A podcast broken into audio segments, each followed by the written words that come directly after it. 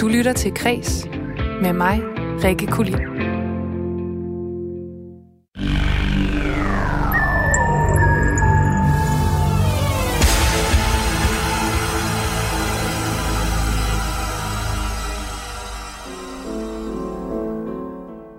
Hvem elsker ikke et godt gys? Det gør jeg i hvert fald. Og gennem tre programmer i denne uges efterårsspecial af Kres, dykker jeg hver dag sammen med et hårrejsende gyserpanel ned i det, der skræmmer livet af os.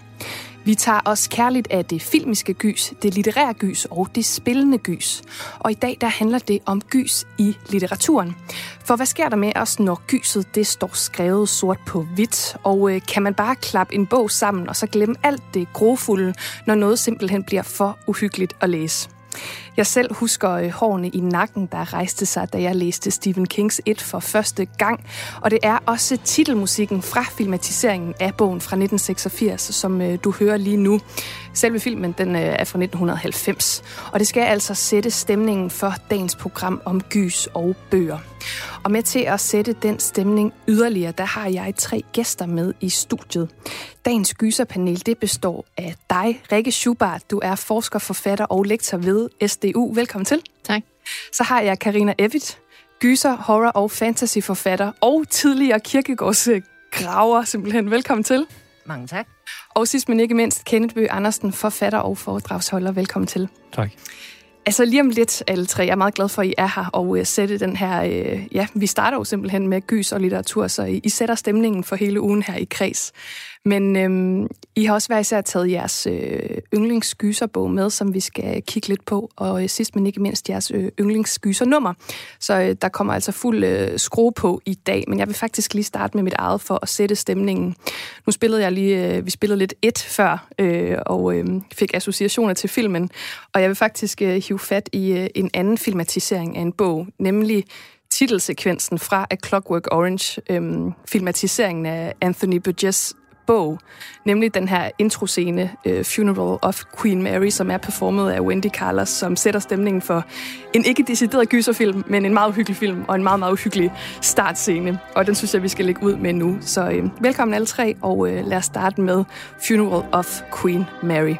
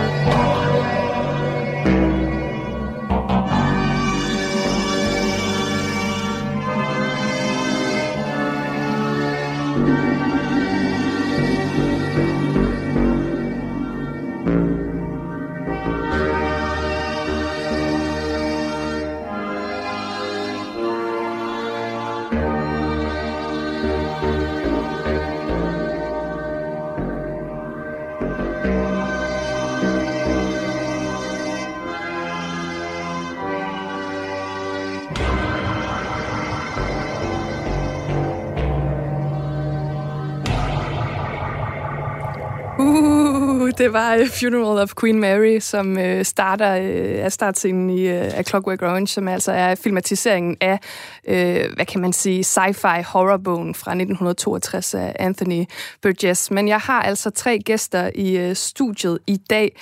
Rikke Schubert, uh, Kenneth Bø Andersen og Karina Evit. Og uh, velkommen til alle tre jo. Uh, jeg tænker, vi starter lige med at sådan få en føler i forhold til altså gys er måske en lidt for bred, øh, hvad kan man sige, kasse, men hvis jeg nu starter med at spørge om jeres forhold til gys, altså så, hvad falder jeg ind sådan lige umiddelbart? Hvad tænker I på, når, når jeg siger gys? Lad os starte med dig, Kent. Øh, jamen det første, der umiddelbart falder mig ind, det er, at det, det er min egen fascination af genren, som startede meget tidligt, kan jeg huske. Og, og jeg kan huske, at i, øh, i, på Danmarks Radio, som var den eneste kanal dengang, at de nogle gange havde sådan en gyserkalvakade, hvor de viste sammendrag af forskellige gyserfilm, altså Fluen og Frankenstein og Dracula og, og det der gamle sort-hvid film. Og jeg kan bare huske, at jeg skulle hjem og se det der. Øh, det var, der var et eller andet ekstremt dragende. Øh, det var ikke så meget det, det uhyggelige i det, men det dragende i, at, øh, at du havde den der en eller anden version af vores verden, hvor der skete nogle helt vilde ting. Øh, og, og, og jeg kan huske den der, øh, kom, altså se den der scene, hvor ham videnskabsmanden sidder, som jo er muteret sammen med en flue, hvor han sidder med det der sorte klæde. Hans kone kommer ind, og så sidder han med det der sorte klæde over hovedet, og han bare tænker, shit mand, hvordan ser han ud ind under det der klæde? Og det der, det er, det er gysergenren for mig. Øh, det, er, det, er, det er, at klædet så lang tid som muligt skal blive på, for det er farligt lige så snart det bliver trukket af. Men det, det er så... Det, det kan måske være det, der er gysergenrens problem, men, men, øh, men det er det, der er, er gyset for mig. Rikke Schubert, hvad er gyset for dig? Det er nok forbundet med noget med det monstrøse i forhold til andre ting. Men da jeg var barn, så var jeg nok meget optaget af det fantastiske, mere end det monstrøse. Så jeg, og det, det, der var eventyrligt og ude at rejse. Så jeg læste en blanding af alle øh, Tarzan-bøgerne, og alle Narnia-bøgerne, og egentlig alle de der serier af bøger, der kunne tage os til en anden verden, hvor det var sådan en parallel virkelighed, hvor der så kunne være drager, eller løver, der var gud, eller dyr kunne tale. Øh, og det måtte gerne være sådan drabeligt, men det behøvede sådan set, altså Tarzan-bøgerne tænkte jeg også på som drabelige. Og så var det nok først, da jeg blev teenager, at øh, de der deciderede skræmmende ting, hvor man øh, næsten ikke turde se videre, fordi det var meget skræmmende. Og da jeg var ung og barn, så havde vi jo altså sort-hvid tv. Så, så nu det er for højere gyset. ja, men jeg, jeg kan stadigvæk huske, at øh, jeg så sådan noget, jeg nok ikke måtte se, og det var noget med en seriemorder, og jeg kan faktisk, jeg har sidenhen tænkt, hvad det var. Men det var i hvert fald en seriemorder, der myrdede unge kvinder, så følger man sådan en ung kvinde, og hun dræber så de folk, der kommer ind til hende. Og til sidst finder man ud af, at der var slet ikke en seriemorder der, hvor hun var. Hun var egentlig bare psykopat. Men, og det husker jeg som, wow, altså, og det var også noget med, det var hendes blik på den verden, hun var i, men fulgte, så fandt man til sidst ud af, at hun var skør. Men det der parallelle univers, kan jeg godt lide. Ja, og hvad med dig, Karina? Uh, jeg tror også, det er lidt det monstrøse. Uh, jeg var faktisk temmelig bange for film og så videre, da jeg var barn, så dem så jeg ikke rigtigt. Men uh, Dracula for eksempel læste jeg som børneklassiker eller sådan noget. Og øh, dem synes jeg faktisk, den synes jeg faktisk var pisseuhyggelig også. Men øh, jeg, jeg læste den alligevel, ikke? Så, og så tror jeg, da jeg blev teenager, eller da jeg begyndte at se øh, gyserfilm, så synes jeg bare, at det var sjovt. Altså, jeg, jeg så den første fredag den 13. tror jeg, det var. Øh, og var øh, pisse bange det første kvarters tid, eller sådan noget, og så var det ligesom gået over, ikke? Så gået over. Det kan ja. jeg godt lide. Altså, jeg er også nødt til at spørge, du er jo tidligere kirkegårdsgraver. Er det et uhyggeligt job? Nej. Altså... det synes jeg ikke, men det afhænger jo af, om øh, du, hvordan den, du har det med knogler, hvis du endelig skal der derned, ikke? Ja. Der kan godt øh, op, øh, fremkomme kom, kom knogler og så videre ved en begravelse, ikke? Ja, okay. Men, og jeg forestiller mig også, altså tit når vi tænker graver i film i hvert fald, og ja. måske også i litteratur, så er det meget noget, der foregår altså, ved tusmørke. Jeg tænker, det er faktisk et, dag, altså, et job, man udfører om dagen. om dagen. ja. det tager For det meste u- uhyggen ud af det. Ja. Altså, I uh, er her jo som, uh, som uh, ekspertpanel her, fordi I er rigtig skarpe på uh, gys i litteraturen, og også, kan jeg jo høre på jer alle sammen, også uh, gyset på, uh, på det store lærred og så videre. Men hvis vi lige kaster os over det der med gyset på skrift, altså så er jeg lidt nysgerrig ja, på jeres forhold til det, fordi jeg tror, øh, jeg kender i hvert fald rigtig mange, som ikke øh, læser uhyggelige bøger, simpelthen fordi de får deres kick ud fra, øh, fra at kunne se det, øh, og røre ved det, skulle jeg næsten til at sige, men se det og høre det. Så hvad er det, det skriftlige gys kan, Rikke Schubert? Øhm, jeg tænker, at øh, de, for mig har det været, at man satte sine egne billeder på det, man læ- læ- læser, Sådan så den verden, man fik rullet op, var det selvfølgelig de ord, øh, man fik tilbudt om det så var Nar- Nar- Narnia og den her løve. Jeg kan huske, jeg forestillede mig den der løve, indtil jeg så filmen, og så har de her Nar- Narnia-film sådan set overskrevet, hvordan den løve ser ud. Så nu ser jeg ligesom den løve fra de der film, hvilket er en smule irriterende. Det er uhyggeligt. Ja, den der digitale løve, ikke? Fordi ellers så er jeg sådan en virkelig flot, pompøs gylden løve. Men det gør, at man kan sætte sine egne billeder på, og øh, for mig gør det at læse en bog og blive skræmt noget andet end at se en film og blive skræmt. Fordi typisk tror jeg nok, at hvis jeg har læst noget, jeg bliver skræmt af, vil jeg huske det som en historie, hvor hvis jeg har set det på film, vil jeg mere huske det som en billedting. Det er lidt svært at forklare forskellen, men de der historier, jeg har læst, der fik mig til at skrige, eller springe op i sæde af forskrækkelse, eller ligesom ligge og læse videre, fordi jeg bare skulle se, hvad der skete. De historier, tror jeg, bliver ved mig på en dybere måde.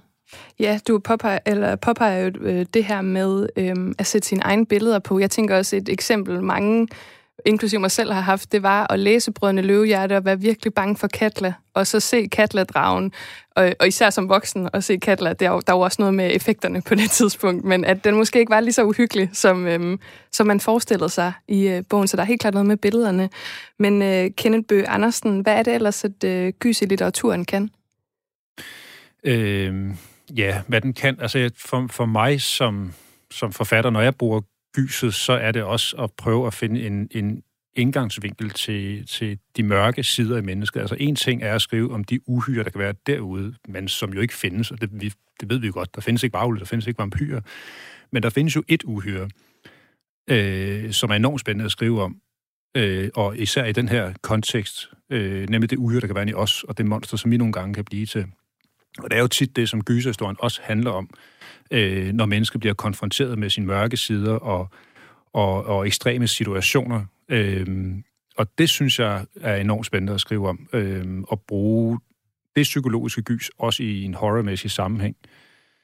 Øh, og så, øh, ja, så kan man sige, i forhold til, til det der med at, at se ting, det, altså på film har du alle de der jumpscares og musik og sådan noget, og det, det er jo en helt anden form for gys og, og, og, og, og en stemning, du dykker ind i, når du sidder med, med bøgerne og bogstaverne. Og en ting er, at der ikke er dårlige special effects, men der er jo sådan set dårlige skuespillere, øh, som jo også tit lider lidt af i gysergenren. ja, det er rigtigt. Og jeg kan huske en scene fra den første Stephen King-bog, jeg læste på engelsk, som var The Langoliers, om, om den her flyvemaskine, der, der, der flyver afsted, og der er nogen, der falder i søvn, og, og der er blandt andet en kaptajn ombord som passager, han, der vågner han op, og så er stort set alle forsvundet. Der er lige en håndfuld tilbage af passagererne, og det viser sig, at de alle sammen er faldet i søvn. De lander i Bangor Lufthavn, og finder stille og roligt ud af, at de flår et kvarter tilbage i tiden, og tiden bliver simpelthen så et af de her Langoliers, der dukker op. Og der er der en scene, hvor, det ved man jo ikke endnu, øh, men der er så den her pige, som er blind, og hun hører jo ting før de andre, og du, du, hun kan høre det her gnasken i baggrunden, et eller andet. Øh, og, og pludselig råber hun, at når det her det kommer, så dør vi alle sammen, så dør vi, forstår ikke det, for, så, dør vi, og de andre ved ikke rigtigt, hvad der er, hun taler om og sådan noget. Og bare husk den scene der, altså, der, det var der, hvor gåsehuden den virkelig rejser, og hårene rejser på min arm. Og når man så ser sådan en film med sådan en halv B-skuespiller, så har den simpelthen ikke samme effekt øh, længere. Og der har bogen altså en, en, en, lidt en force nogle gange i forhold til, øh, til filmen. Og jeg tænker også, at vi vender tilbage til det undervejs, blandt andet med det værk, du har øh, taget med i dag, fordi der er jo også en filmatisering af den bog. Det er der jo nærmest af, af ja, alle tre. Altså, I Am Legend er i hvert fald også øh, filmatiseret op til flere gange. Øh, I flere versioner, blandt andet har Vincent Price øh, spillet hovedrollen. Det kommer vi til, men Karina Evitt, jeg tænker også det her med, at du jo som forfatter, øh, gyserforfatter, både har skrevet til børn og til voksne. Er der ligesom forskel på, hvad ja, børn og voksne bliver bange for? Øh, til børn plejer jeg faktisk at skrive øh, netop, som øh, Kenneth siger, det der med, at man skal trække klædet af sådan forholdsvis hurtigt. Ikke? Og til voksne, der skriver jeg sådan mere psykologisk ned i dybet og så videre. Ikke? Ja, altså er voksne... Ja, hvordan kan man spørge... Altså, børn i virkeligheden, de skal have det sådan direkte. Altså det der ja. med, som vi snakkede om tidligere, også som du nævnte, Rikke, det der med at trække klædet fra. Øh, eller kan børn også forstå sådan de lidt mere, hvad skal man sige, uhyggelige stemninger, for eksempel? Altså nu skriver jeg sådan fra 12 år op, tror jeg nok. Øh, de kan sagtens forstå de stemninger der, men øh, de kan bedre lide, når man øh, ligesom viser dem det. Ikke? Man kan sige, at vi kommer jo også ind på øhm, øh, nogle lidt ældre bøger i det, I har taget med i dag. Så jeg er lidt nysgerrig på i forhold til sådan gysergenren af nu 2020, og det er klart, at der er en masse subgenre til det selvfølgelig, men hvordan står det til med gys i litteraturen i 2020? Altså, findes der stadig hyggelige ting at skrive om, eller har vi ikke, har vi ikke øh, skrevet alle historier? Altså, jeg tænker det også i forhold til film. Der er jo rigtig mange, for eksempel hvis vi kigger på Hollywood, af de filmatiseringer, der kommer, øhm, ikke nødvendigvis kun i gysergenren, men i mange genrer, som jo er remakes og øh, prequels og øh, reboots og alt muligt. Altså, hvordan står det til med at, øh, at læse original litteratur i gysers verden i 2020? Rikke Schubert? Ej, jeg vil lige spille bolden videre til Kenneth, fordi at jeg, øh, øh, som jeg bliver ældre, jeg er 53, så bliver jeg mere kredsen med, at jeg bruger min tid på at læse. Øh, og det vil sige, at det skal ligesom... Og jeg ved ikke, hvorfor, men jeg er mindre kredsen, når jeg ser ting. Det er ligesom, så må det godt være, ej, med den skuespiller, eller en instruktør, jeg kan lide, eller special effects, der er super gode. Det er ligesom, så spiser jeg mere slik, hvor hvis jeg skal læse ting, så skal det ligesom være godt nok til, at jeg vil bruge tiden på det. Så derfor er jeg blevet mere kredsen, hvor tidligere var jeg mere sådan slugte, hvad der var nyt og hvad jeg ikke kendte til. Så for mig i dag kan jeg bedst lide, når ting er sådan...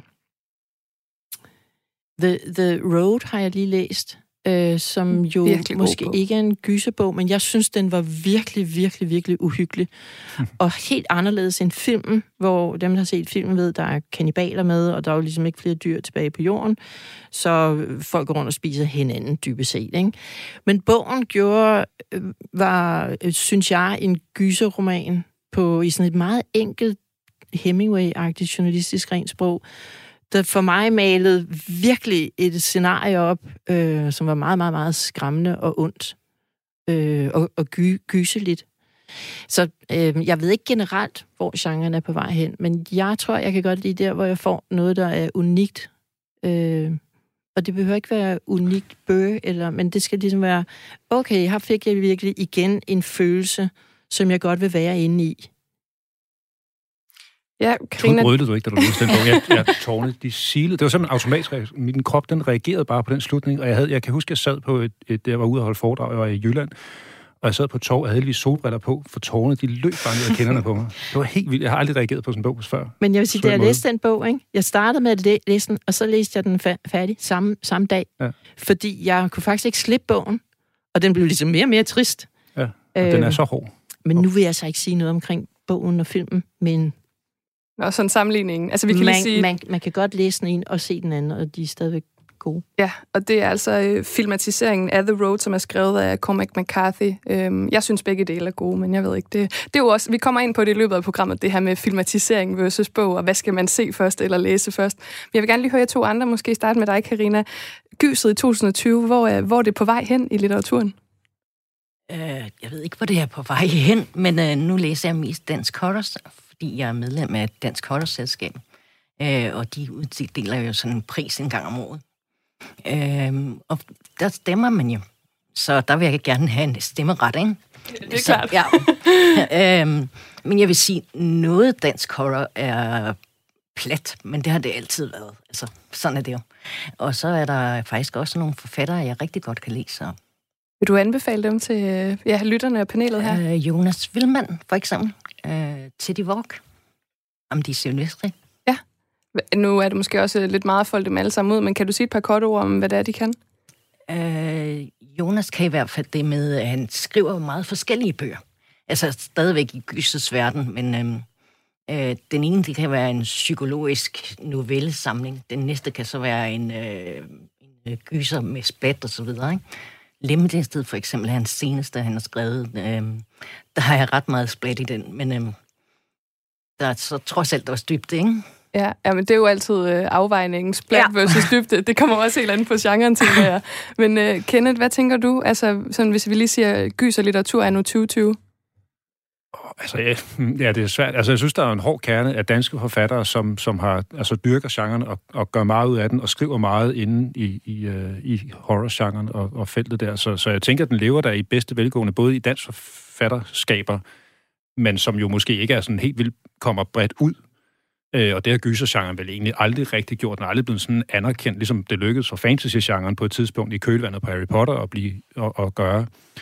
Øh, Øh, generelt, det er svært at sige, men altså, en, en forfatter, jeg er blevet enormt glad for, øh, det, er, det er jo Stephen Kings søn, Joe Hill, som er en fantastisk forfatter, og jo, det er jo noget en bedrift, at både at gå i sin fars fodspor, men så alligevel øh, træde sin egen sti, og det, det gør han. Og han gjorde meget ud af at ikke sige, at han var Stephen Kings søn, og, og ligesom droppede King-navnet øh, for at skabe sit eget navn. Og han, han har altså lavet nogle fede ting, og en, og en, øh, en, øh, en fantasirigdom, som er, er, er ret speciel. Minder faktisk meget om Stephen King i sin, sin unge, unge dage.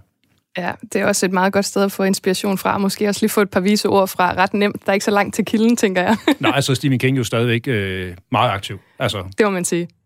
Men øh, nu har vi ligesom øh, bredt det lidt ud i forhold til gys øh, i litteraturen, og nu bliver vi lidt mere konkrete, fordi mit panel, de har altså hver især taget et øh, værk med, de vil fremhæve. Og øh, jeg synes bare, at vi skal hoppe til det. Vi starter med Rikke Schuberts valg, nemlig I'm Legend. Du lytter til Kres med mig, Rikke Kulin. Ja, øh, nu fik jeg jo præsenteret lige en jinglen, hvad det er, vi skal tale om nu. Men Rikke, vil du ikke øh, præsentere den her bog yderligere for øh, lytterne og panelet? Jo, det øh, er en bog af Richard Mason, og den er fra 1954, og den hører til øh, den gruppe af bøger, jeg læste, som egentlig var sådan gamle gyseting. Øh, Psycho er fra 1960, øh, så mange af de der klassiske film stammer fra sådan nogle bøger, som man måske ikke dengang tænkte på som sådan nogle splatgyserbøger, men mere som sådan nogle pulp-bøger, som var sådan nogle øh, low quality, easy to read bøger med uhyggelige ting. Øh, og i det tilfælde her, så kan jeg huske, at jeg læste den, mens jeg kørte med toget. Og øh, så jeg sad, og der var andre folk i togkupéen, øh, og jeg var så meget opslugt af den her bog, og, på, og jeg blev mere og mere op, op, opslugt. Og så på et tid, tid, tidspunkt, så sker der i hvert fald noget, hvor hovedpersonen, Neville, som han er så den sidste mand i en verden, hvor alle andre er blevet inficeret med en sygdom, der gør dem til en slags vampyr. Og i hvert fald skete der noget, som gjorde, at jeg simpelthen skreg højt og blev enormt forskrækket. Og alle folk rundt omkring mig, de hoppede så også op, og så kom vi alle sammen til det grine. Og jeg synes, at Borg var et godt eksempel på, at man sidder der, og så bliver man ligesom fanget mere og mere ind, og så wow, så sker der så noget. Ikke? Øhm, og, og det var i hvert fald et, øh, for mig et bevis på, at den var godt skrevet, og den var godt skruet sammen, og historien var i hvert fald så opslugende, at på det tidspunkt, hvor jeg læste litteraturvidenskab, og man helst skulle læse sådan noget højlitterært modernisme, og så var man meget sær. Så jeg var en på litteraturvidenskab, der var meget sær. Og, øh, men det her med, at det var sådan en, en fortælling, der egentlig gik ud på at bevæge dig, og ikke sådan en samfundskritisk diskussion af kapitalismen eller sådan noget.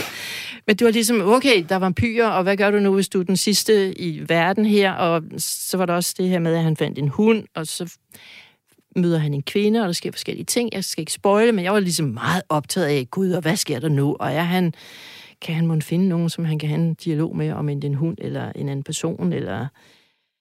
Og, så det, øh, for mig var det nok den første bog, hvor jeg ligesom oplevede både, at det var en super fed fortælling, meget enkelt skrevet. Plottet, synes jeg, var meget originalt, samtidig det var meget simpelt.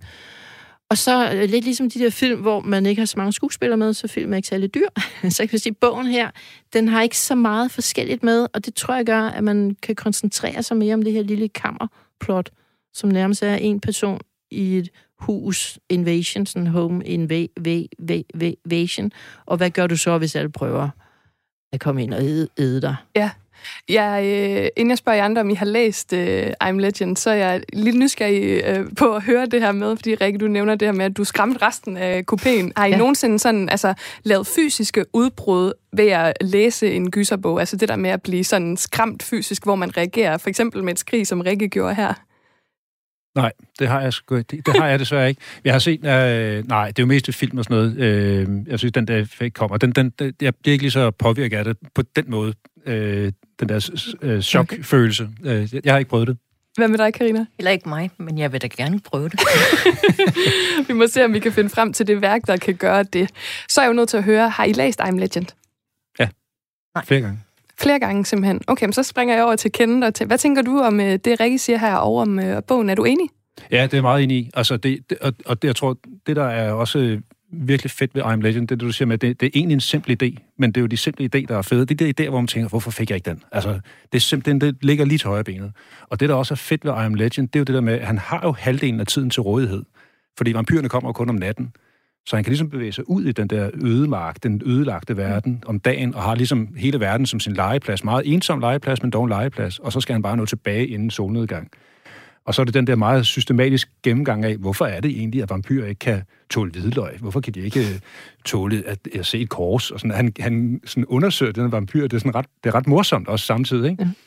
Ja. Øhm, så det, det er en fed undergangshistorie sat ind i, i det der horror-univers. Øh, øhm, ja, Richard Matheson er jo fantastisk. Og da bogen kom frem, så var der mange, der ligesom brokkede sig over det her videnskabsnåde, at det var synes de ligesom sådan noget pseudo-videnskab. Og så øh, læste jeg øh, en anmeldelse, der så vist er fra 2005, som sagde, at det var jo en eksistentiel bog om eksistentiel ensomhed. Og det tænkte jeg, det var faktisk lige præcis det, der ram, ram, ramte mig. Det var den her følelse af, hvad nu hvis du var den sidste person på jorden? Ja. Hvad vil du så gøre? Ja. Og den følelse, den der eksistentielle ensomhed, synes jeg var virkelig sådan en, en angst ting. Det er det samme, som The Road gør, ikke? Jo, det jeg stod derfor, lige og tænkte på sammenligning, at det, det er som om, det er noget, der rammer dig. Altså den her kammerspilsfølelse. Og så, Bortset fra The Road, der er øh, princippet her. Hvad nu, hvis alle dem, du møder på din vej, vil prøve at spise dig? ja, det er rigtigt. ligesom, og, og, og så er de Jamen, der både dag og, og nat. Ja, ja, men, men, men, men det er klart lidt samme problematik, kan jeg, kan jeg godt se. Og så er den jo øh, blevet filmatiseret et par gange, blandt andet øh, den, som mange nok kender med Will Smith, men så netop også, som jeg nævnte, The Last Man on Earth med Vincent Price, og jeg synes bare, det er meget fedt at nævne ham i dag. Han er jo sådan en af de største gyserskuespillere nogensinde. Men hvad tænker I? Vi kan jo åbne den nu, og vi kommer nok også ind på den med et senere, men altså om filmatiseringen er noget, man har læst. Altså, er I sådan, har I lyst til at se filmatiseringerne af de øh, gyserbøger, I, I har læst, eller har I lyst til at sådan holde det adskilt, de to ting? Karina? Øh, jeg har altid lyst til at se den, men øh, jeg bliver ret tit skuffet over filmatiseringen, så... Ja, for, vil du uddybe det lidt mere? Altså, jeg tænker sådan, skuffet over filmatiseringen, er det det der med, som vi var inde på i starten i virkeligheden med, at øhm, man har ligesom lavet ja, sine egne billeder i hovedet, og de Jamen, billeder bliver bare Dels har man lavet sine egne billeder, og så er, synes jeg som oftest er bogen bedre end, altså psykologisk bedre, ikke? Ja. hvor de er nødt til at skære en del scener fra i øh, filmen. Ikke? Hvad med jer to andre? Jo, jeg er altid spændt på at se, hvordan de laver det. Altså, det, at, ja, selvfølgelig bliver man meget tit skuffet. Altså, de lavede jo her for nylig på Netflix, kørte øh, Lock and Key, Joe Hill. Det var sådan en graphic novel, som jo er, er, er fantastisk. Øhm, men, men der blev det så meget tydeligt, egentlig også okay lavet, men det blev også meget tydeligt, at vi gerne vil ramme et bredere familiesegment, så vi skærer lige alt det meget, alle de meget vilde idéer, dem, dem skærer vi ligesom fra. Budgettet er måske ikke til, at vi ligesom kan lave det og sådan noget.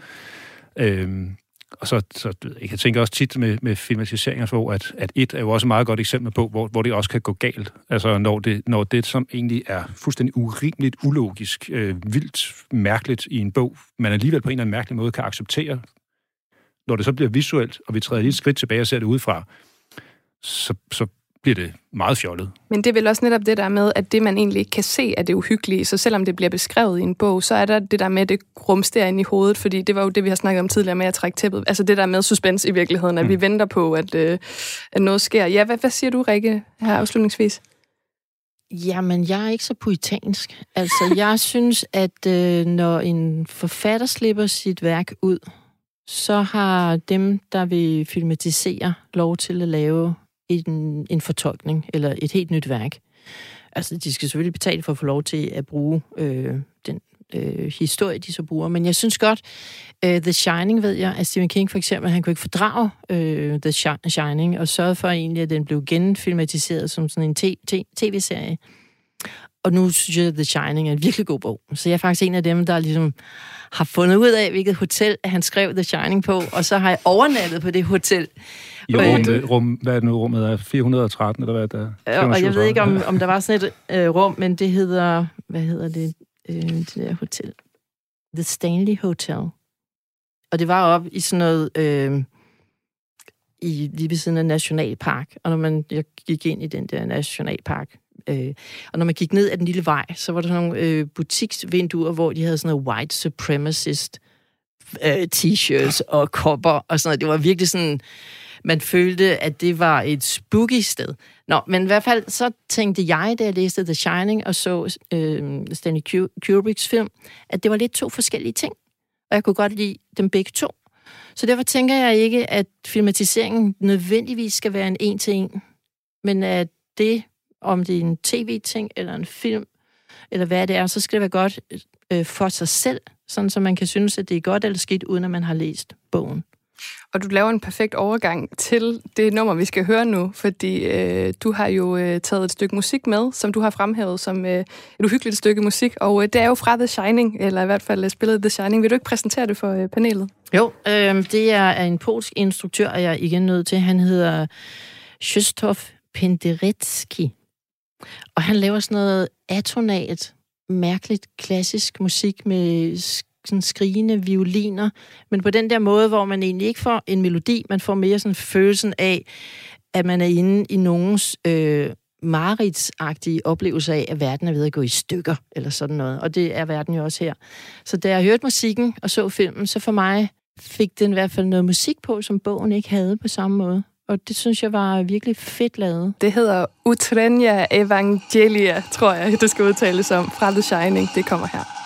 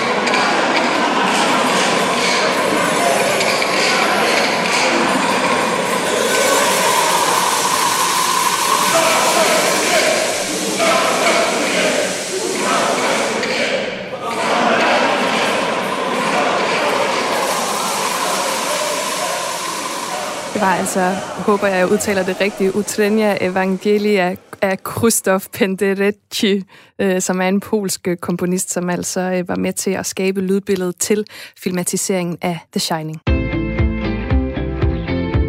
Du lytter til Kres med mig, Rikke Kulin. Og vi er altså i gang med at udforske gys i litteraturen, hvor mine tre gæster i dagens panel, de altså hver især har taget et øh, værk med, de vil fremhæve. Og øh, nu er vi kommet til Kenneth Bøge Andersens øh, værk fra i... Ja, 1986 er det, nemlig Stephen Kings Et på dansk Det Onde. Hvorfor har du taget den med til panelet? Øh, jamen, det har jeg, fordi at når man snakker øh, gys i litteraturen, så kommer man jo ikke udenom Stephen King, øh, som jo har defineret genren de sidste øh, 30-40 år, øh, og, og stadigvæk øh, er med til at gøre det, sådan set.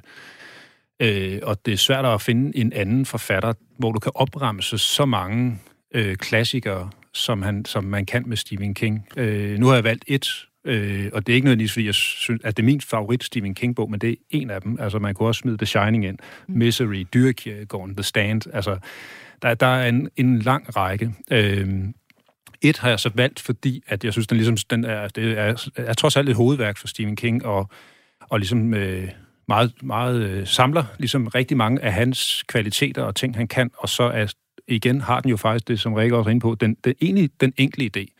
Ideen om, at du har et monster, som er alle monstre, øh, og som, som du bare kalder et. Altså det, det er simpelt, og det er effektivt, og det er sindssygt godt tænkt. Og så, øh, og så, øh, så det, som Stephen King jo er rigtig god til, det er at gøre de her karakterer levende, og det, der gør, at du æder præmissen for historien, og, og føler skræk, og føler redsel, og føler sorg. Øh, at, at han har den her tabergruppe af børn, øh, og det er han jo rigtig god til at, at, at skrive de der replikker, skrive deres historie, skrive deres sammenhold, skrive deres kærlighed, skrive alt det, det er at være barn, er han sindssygt god til. Og her bliver det så også kombineret med den voksne del af historien, når det vender tilbage. Og hele den der med, nu har vi snakket meget om, når man er barn og, og gys, og hvordan det påvirker en. Og så slipper man måske genre lidt efterhånden, man bliver voksen, man bliver mere seriøs. Uh, vi skal læse, vi skal læse de der andre slags øh, historier. Mm.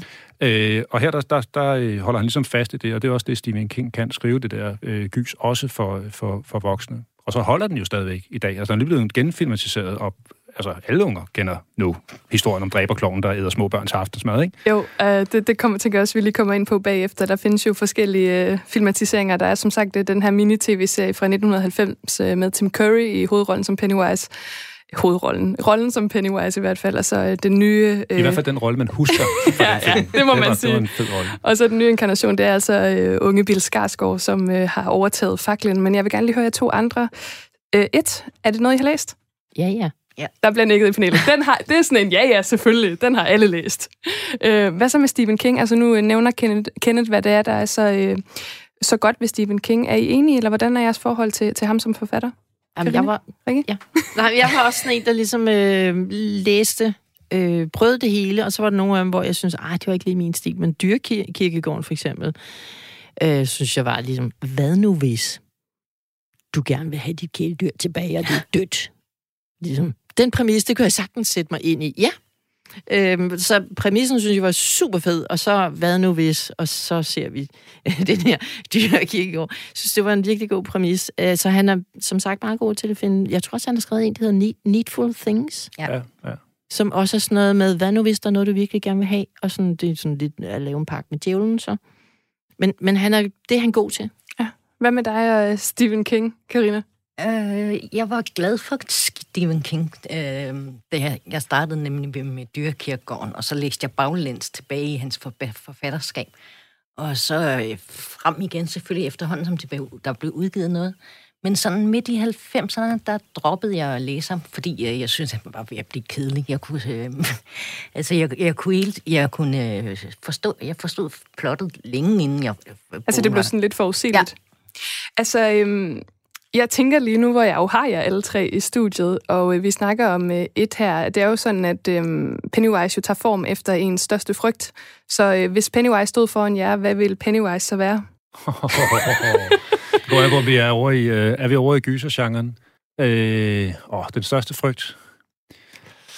Det ved jeg ikke. Hvad graver på en kirkegård med, lidt om natten.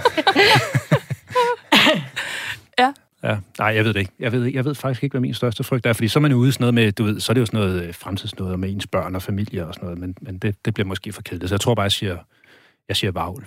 En varulv. Det er også en klassiker. Hvad med dig, Rikke? Altså, noget, der kan gøre mig ret hysterisk og få mig til at skrige, det er, hvis der løber en mus rundt der, hvor jeg er og skal sove. Og det er selvfølgelig ikke, fordi det er et stort monster, men jeg vil slet ikke kunne sove, hvis der ligesom løb mus hen over gulvet i det rum, jeg var i. Det, det tror jeg faktisk og der kan man så se, hyggeligt. hvordan et vil virke, hvis nu den tog form af en mus, der løb hen over gulvet. Ja. Det er ikke sikkert, det vil have så... sådan helt samme, Nej, samme effekt.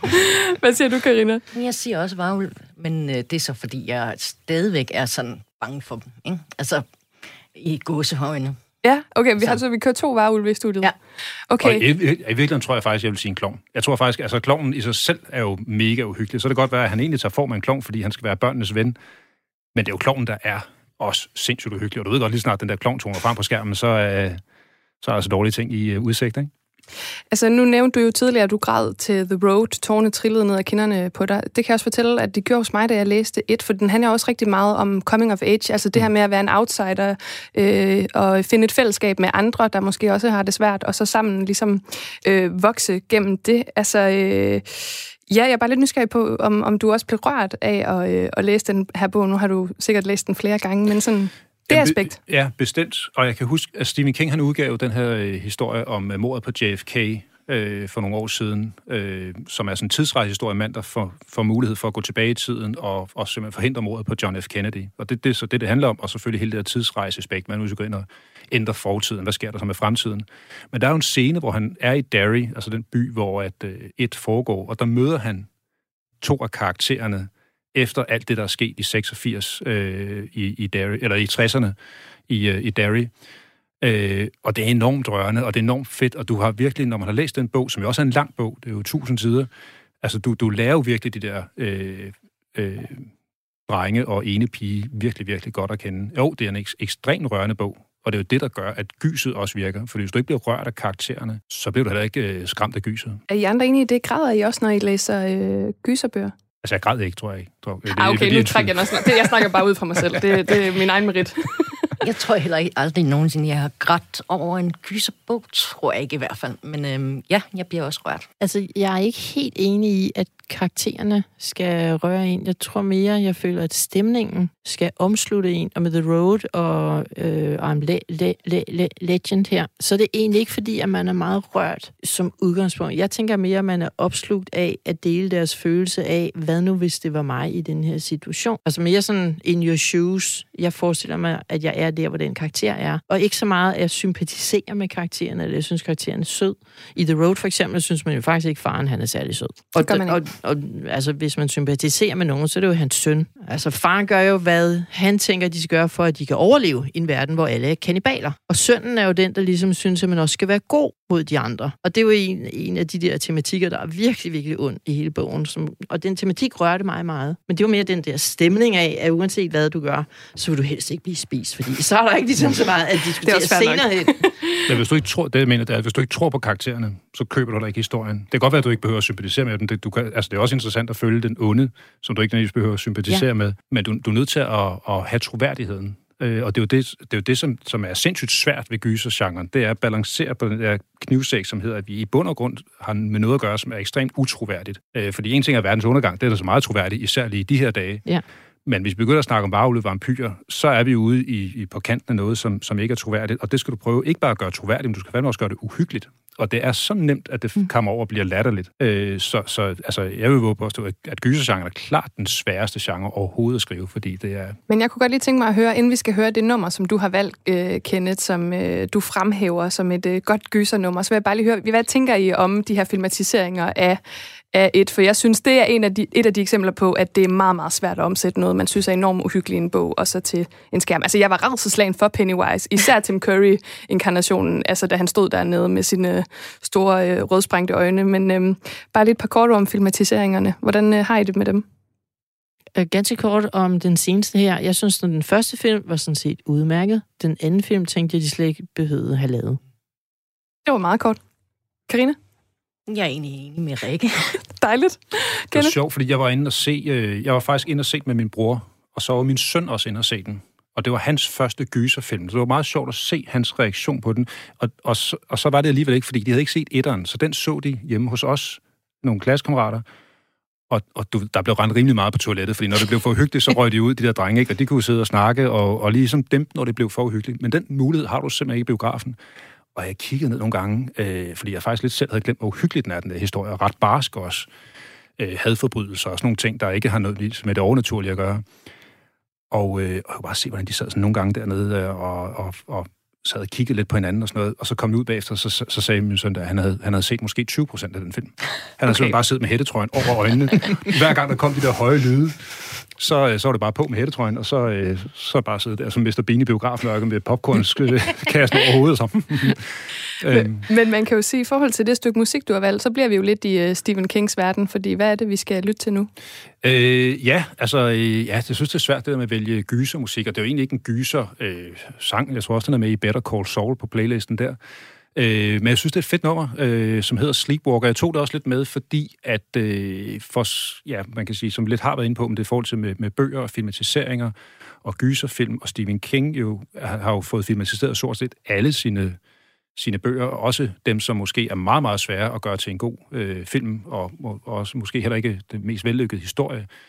Og Sleepwalker, Sleepwalker som, som den her sang er fra, er jo øh, øh, et, et originalt manuskript af Stephen King, øh, instrueret af Mike Garris, Øh, men den har en fed stemning, den sang, øh, som, som jo ikke er, er uhyggelig, men der er noget melankolsk og, og, og, og øh, melodisk over den her sang, og synes jeg stadigvæk, det her, den, den, den hedder jo Sleepwalk, og det her med, det, det er sådan et drømmescenarie, og, og, og det er jo der, hvor, hvor gysergenren også nogle gange befinder sig. Altså, vi, vi, vi, vi er i den her lidt drømmeagtige verden, mareridsagtige verden, øh, som jeg synes kommer meget godt til udtryk i den her sang, eller øh, musik.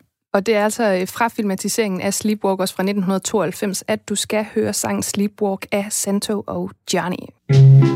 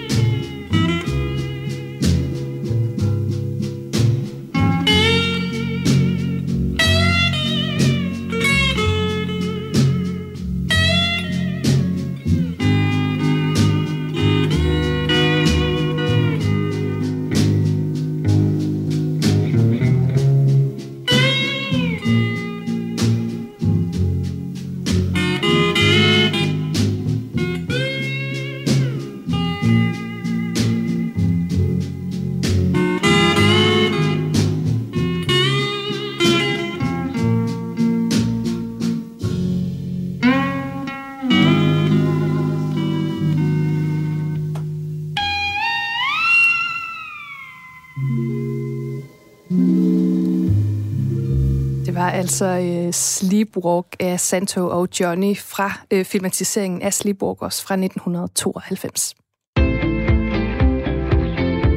Du lytter til Kres med mig, Rikke Kulin. Og nu er vi altså øh, kommet til øh, det sidste værk, som øh, en deltager i mit øh, gyserpanel i dag har taget med, nemlig dig, Karina Evit. Og øh, det er altså Summer of Night. Øh, på dansk er det Sommernattens redsel, redsel fra 1991 af Dan Simmons. Hvorfor har du taget den med til øh, panelet? Uh, fordi det faktisk var den første bog, øh, efter jeg ligesom havde vendet mig til at læse Stephen King, hvor jeg blev sådan lidt temmelig bange faktisk, så Øh, jeg fik sådan en knude i maven, netop fordi, at Stephen King plejer jo at lave de der idylliske scener. Altså for eksempel i et, hvor klovnen så dukker op i slutningen. Ikke? Og hver gang øh, Dan Simmons her prøvede eller gjorde det samme, så skete der ikke en skid. Så øh, min, altså knuden i maven, den blev aldrig forløst, sådan ligesom, så den voksede bare videre. Kan man sige, at Dan Simmons han sådan, øh, overtog der, hvor Stephen King begyndte at kede dig, eller hvordan? Uh, nej, faktisk har jeg kun læst den. Jeg, jeg prøvede at læse øh, to andre, dem opgav jeg, fordi de var for turistpræget, eller hvad man skal kalde det. Ikke? Så nej, jeg tror faktisk, jeg, jeg opgav uh, horror uh, i slut 90'erne. okay, og begyndte at skrive selv. Ja, og så begyndte jeg så selv, eller begyndte jeg så at læse horror på dansk, da det jo Dansk Horrorselskab startede op, ikke? Og hvad er det, det kan det her med, øh, ja, du, du nævner jo selv forskellen på, øh, på den her bog, og så sådan noget, som Stephen King for eksempel gør, hvor kloven så dukker op til sidst. Altså det her med, at knuden den aldrig bliver forløst. Hvad er det den slags følelse, man sidder med, når man læser sådan en bog? øh, jeg, jeg, til sidst følte jeg mig, mig næsten fysisk dårlig, altså. Så øh, det er sådan, jeg tror faktisk, det er lidt øh, selve gyset. Bare som en, som en knude, ikke? Og hvad med, Man kan ikke sådan lige få gåse ud af det, men øhm, Men det er mere, ja, fordi det er jo det, man tit snakker om, sådan det der med, at hårene rejser sig ja. i Ja. kroppen, men knuden i maven er jo også en øh, sådan meget fysisk reaktion, som ikke nødvendigvis er et uh, Rikke Schubert skrig i et tog, kan man sige.